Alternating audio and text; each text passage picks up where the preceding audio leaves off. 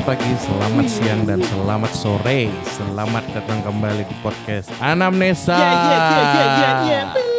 Dengan dua MC tercinta Agung dan Gilang, kita berdua dokter sekaligus podcaster. Di podcast Anamnesia ini kita akan membicarakan tentang topik-topik kesehatan, kedokteran, dan isu-isu lain yang menggelitik telinga kita sebagai dokter. Oke, tanpa banyak kincong, ini episode yang agak beda dari biasanya. Cepet sih. Nggak apa-apa biar nggak panjang-panjang episode Benar-benar. ini. Jadi kita sebenarnya episode apa ini, Kung sebenarnya? Kita mau coba-coba bikin skit-skit apa sih? Sketsa ya? Sketsa, benar. Sketch, sketch kan itu awal Ah, sketsa. katanya. Heeh. Ya, boleh, boleh. Ya, makanya ini kita nyoba-nyoba dari apa ya? Dari topiknya apa sebenarnya ini? Jadi, Jadi kita ah, mengambil dari sebenarnya bisa dibilang react atau apa ya?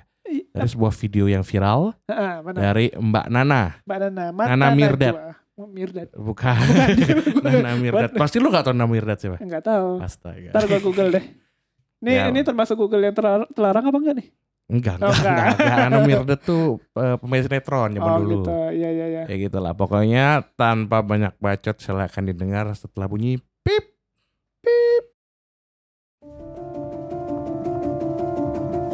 Pandemi belum mereda dan terkendali. Karenanya kami mengundang Menteri Kesehatan Terawan Agus Putranto. Tentu tak ada sosok yang lebih tepat bicara kepada publik kepada kita memberi penjelasan tentang situasi sebenarnya dan sejauh apa penanganan yang dilakukan negara. Inilah kursi dan panggung mata najwa untuk Menteri Terawan. Terima kasih atas undangannya kasih Mbak Nana. Terima kasih kami sudah diundang Mbak Nana. Berhubung Pak Menteri tidak bisa hadir, kami di sini selaku staf khusus Kemenkes yang menggantikan Pak Menteri. Hmm. Saya sendiri dengan Dr. Agung. Nah, saya dengan Dokter Gilang, Mbak. Ya silakan lanjut Mbak. Kami sudah ditunggu untuk agenda selanjutnya di Hmm. Istana di Istana Negara. Agenda apa, Bro?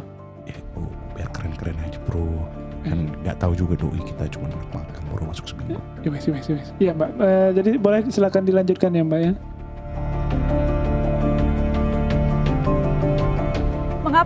Menghilang, Pak?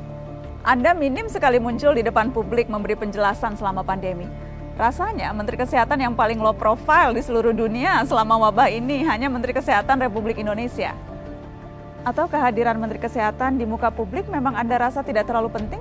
Oh tidak tidak Hmm. Mbak Nana enggak. Pak Menteri tidak menghilang. Pak Menteri sehat sedang banyak agenda. Kemarin aja baru fitting jas. Maksud saya maaf meeting dengan berbagai pejabat membahas berbagai isu kesehatan Mbak. Benar sekali Mbak. Berbagai isu kesehatan ini masih menjadi polemik Indonesia. Nggak cuman COVID, ada malnutrisi, anemia kesehatan, ibu hamil, TBC itu semua mesti diurus. Masa menelantarkan yang lain toh. Betul banget Mbak Nana.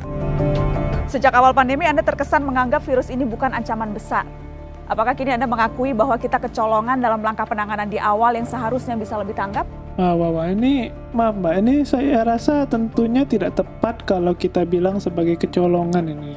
Betul sekali kata rekan saya Mbak. Mm-mm. Tentunya kalau ambil istilah meremehkan atau kecolongan, bukannya setiap negara gitu kan banyak ya yang awalnya kayak gitu ya. Ini tinggal Mm-mm. tunggu tanggalnya aja kapan tiba-tiba kasusnya peak gitu. Jadi nggak usah lah kita fokus ke masa lalu, ke nyalah-nyalahin gitu lah. Mm-mm, Ya. Benar. Pak Menkes tuh tentu dengan pikirannya sendiri. Kalau merasa penting bahwa waktu awal-awal tuh negara tuh tenang saat awal-awal uh, kasus COVID itu masuk sehingga tidak ingin dia membangun kepanikan saat isu pandemi makanya kita disuruh makan nasi kucing kita Mm-mm. suruh berdoa agar kita tenang kita Benar sekali Pak. Jadi ya ini salah satu bentuk usahanya. Daripada kita cemas-cemas toh juga siapa yang bisa tebak pandemi masuk ke Indonesia? Kan ini apalagi kemarin sempat masalah muncul kan sampai stok ma- masker habis semua stok makanan habis gitu kan? Iya iya. Makanya itu apa namanya betul banget kita lihat angka kesembuhan kita kan juga malam-malam uh, positif ya makin banyak ya Mm-mm. yang sembuh itu sebenarnya sama sama narasi kita sama uh, seniman dari Bali bahwa kita harus Mm. narasi positif meningkatkan imunitas benar Uh, siapa namanya beli jerang Ah, beli jerang Saya ingin klarifikasi informasi. Apakah betul di awal-awal pandemi dulu justru Anda Menteri Kesehatan yang mengusulkan bahwa kita tidak perlu melakukan karantina wilayah? Kalau ini tentunya perlu kita klarifikasi. Ya, ini gimana Pak gua gua lupa dong Ya gue juga nggak tahu kita baru masuk ya. Ya begini Mbak Nana, apakah Mm-mm. mungkin ada buktinya soal ini ya? Hmm. Soalnya kan kabar burung tuh gampang banget ada banyak media sosial ada ya buzzer buzzer lah Benar. yang nggak suka sama Kementerian Kesehatan Iya, kita jadi fokus ke sekarang aja nih, Mbak. Kita fokus ke kenyataannya saat ini. Kan sekarang tingkat kesembuhan sempat saya, apa mitra saya bilang sudah cukup tinggi. Buktinya buktinya bahwa kebijakan kita saat ini sudah berjalan dengan baik gitu. Cakep. Pak Terawan sampai sekarang kondisi pandemi belum juga terkendali. Data dan angka jelas menunjukkan itu. Di saat negara-negara lain bahkan sudah berangsur-angsur bisa memperlonggar situasi, Pak. Kenapa kita tertinggal?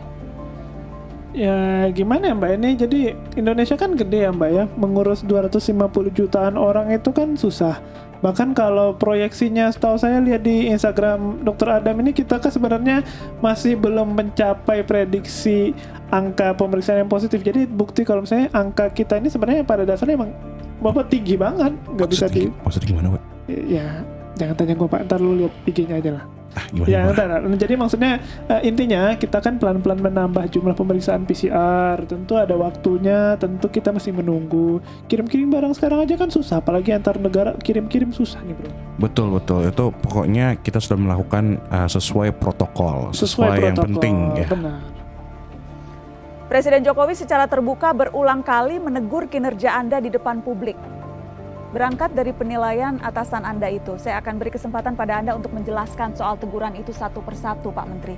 Kenapa resapan anggaran kementerian masih rendah? Kenapa berbagai peraturan dan birokrasi masih berbelit di Kementerian Kesehatan? Dan kenapa perlindungan tenaga kesehatan kita belum maksimal? Jadi Mbak Nana, Hmm. teguran itu adalah tanda kasih sayang. Tanda kasih sayang. benar. Karena apa namanya memberitahu gitu loh Uh-uh. atasan memberitahu bawahan Anda salah nih karena saya sayang saya kasih tahu Anda kalau penglihatan saya sih Mbak Nana ya Pak Menteri dan Pak Presiden tuh baik-baik aja masih WhatsAppan Iya. masih teleponan masih kontak-kontakan. Betul. Benar. Jadi ya memang untuk soal resapan anggaran yang tadi Mbak Nana sebut, memang kita jelas nggak mau sembarang gelontor Mbak Nana. Karena kalau vaksin keluar kan pasti kita kita keluarkan juga dalam misi menciptakan imunitas nih untuk masyarakat. Kalau nggak ada uangnya ya gimana cara kita produksi, distribusi, aplikasi untuk vaksinasinya gitu. Betul sekali kata rekan saya dokter Gilang Mbak Nana. Jadi mohon ya Mbak Nana ini kalau nanya tuh tadi kok langsung empat pertanyaan digabung Hmm, gitu loh Mbak? Nana. Etisnya tuh kalau nanya Pak Menteri itu ya satu-satu misalnya apa nih peraturan apa yang berbelit-belit. Nah kalau setahu saya ya belit itu enaknya tuh masakan Jepang Ah, gitu. itu bro. Oh, iya maksud saya ya Mbak Nana mengerti lah ini lagi Hmm, kondisi benar. masih darurat terus fokus dan kompak Mbak Nana. Spesifik soal tenaga kesehatan, angka kematian nakes kita sangat tinggi dan masih terus naik.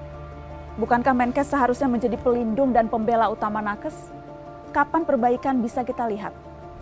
Loh emang semua nakes tuh tanggung jawab Pak Menteri ya? Oh, tidak. Lah gini loh pertama tuh kalau orang kerja yang Hmm. bertanggung jawab tuh bosnya. Hmm, Jadi misalnya kalau di nakes tuh RS-nya, kliniknya. Benar. Ya mungkin kalau misalnya RS pemerintah, lah kan nggak semua RS punya milik pemerintah pusat ya. Hmm. Ada RRS yang punya tuh pemerintah daerah. Jadi jangan ngalahin pemerintah pusat dulu dong. Iya, kan ada otonomi daerah ini. Lagi pula kalau dokter ya ada ID loh yang melindungi mestinya kan? Wah betul tuh. Hmm. Masa udah member ID tuh pakai ah, ini loh mbak, iuran loh mbak. Benar, iuran tahunan loh. Betul, masa nggak ada privilege-nya loh. Gym aja ada privilege loh, dapat handuk, dapat air putih. Iya. Ini masa perlindungan jiwa nggak dapet dokter Benar astaga dari banget ID. ini. Masih saja ada disparitas antara data pusat dan data daerah. Padahal data saat pandemi sangat krusial untuk menentukan kebijakan. Mengapa sampai sekarang tidak juga beres? Ya gimana ya mbak? Jadi kalau pemerintah daerahnya suka dewe-dewe, ini nggak mengikuti aturan ya mau gimana? Ada yang PSBB, ada yang enggak, ada yang dibilang mesti apa mau bikin konser dangdut juga nggak mau nirutin pemerintah, ada yang bilang obat covid itu arak, ya ada malah kacau ini nggak ada yang mau kompak sama pusat ini. Ini betul kata rekan saya dokter Gilang Mbak Nana. Hmm. Kalau kita sih mereka sudah selalu menghimbau ya protokol kayak gini mohon dari daerah mengikuti. Itu Hmm. aja senaknya daerah itu.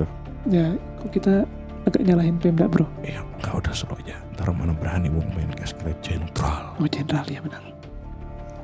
Bagaimana dengan data bahwa gedung Kemenkes menjadi klaster perkantoran terbesar di Jakarta?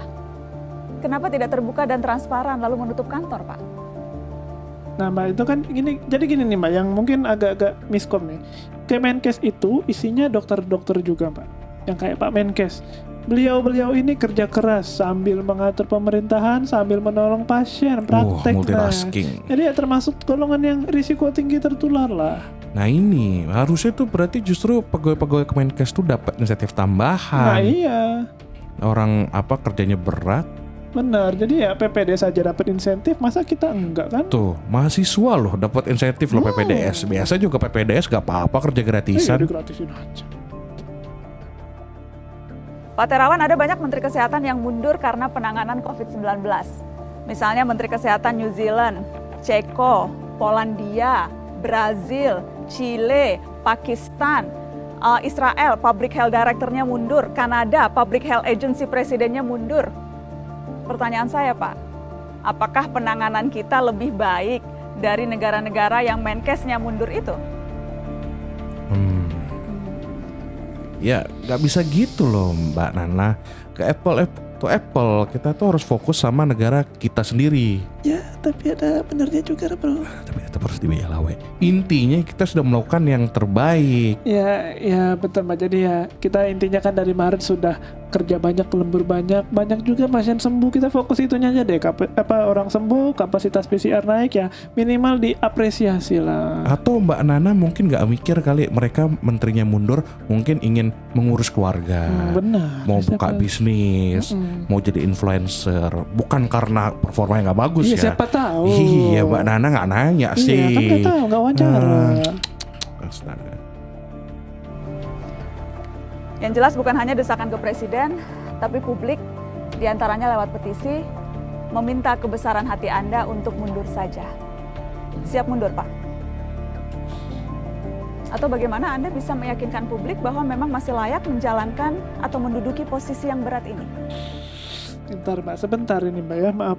Duh, nggak nggak gitu Ini- sih Mbak sebenarnya. Iya, ini Oh. masa frontal menyuruh bos saya mundur. Ini Pak Menkes loh. Memang Mbak Nana ini siapa toh? Masa di TV nasional gini? bukan bukan bro, ini di Hmm? podcast. Oh iya iya benar sorry. Di podcast nasional ini tiba-tiba ditodong Pak Menkes minta mundur. Coba dipikirkan, apakah meminta Pak Terawan mundur akan menjadikan Indonesia bebas pandemi? Mind blown.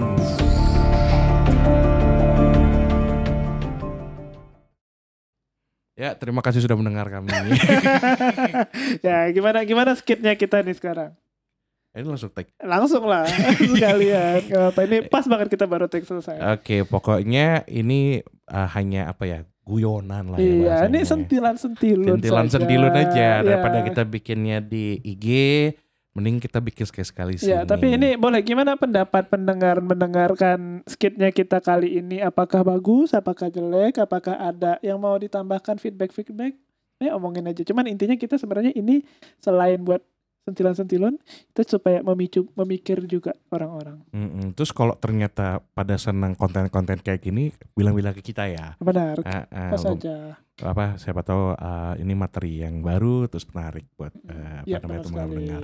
Oke, gue kira sekian itu aja obrolan kita hari ini. Pesan sponsor terakhir, ikuti perkembangan podcast Amnesa dan post-post lainnya di Instagram podcast Amnesa, yaitu di @anamnesa serta di Facebook page podcast Anamnesa. Iya benar sekali. Dengarkan juga episode-episode podcast kita yang lainnya untuk pembicaraan lain yang santai, berat, seru, macam-macam di streaming service pilihan pendengar.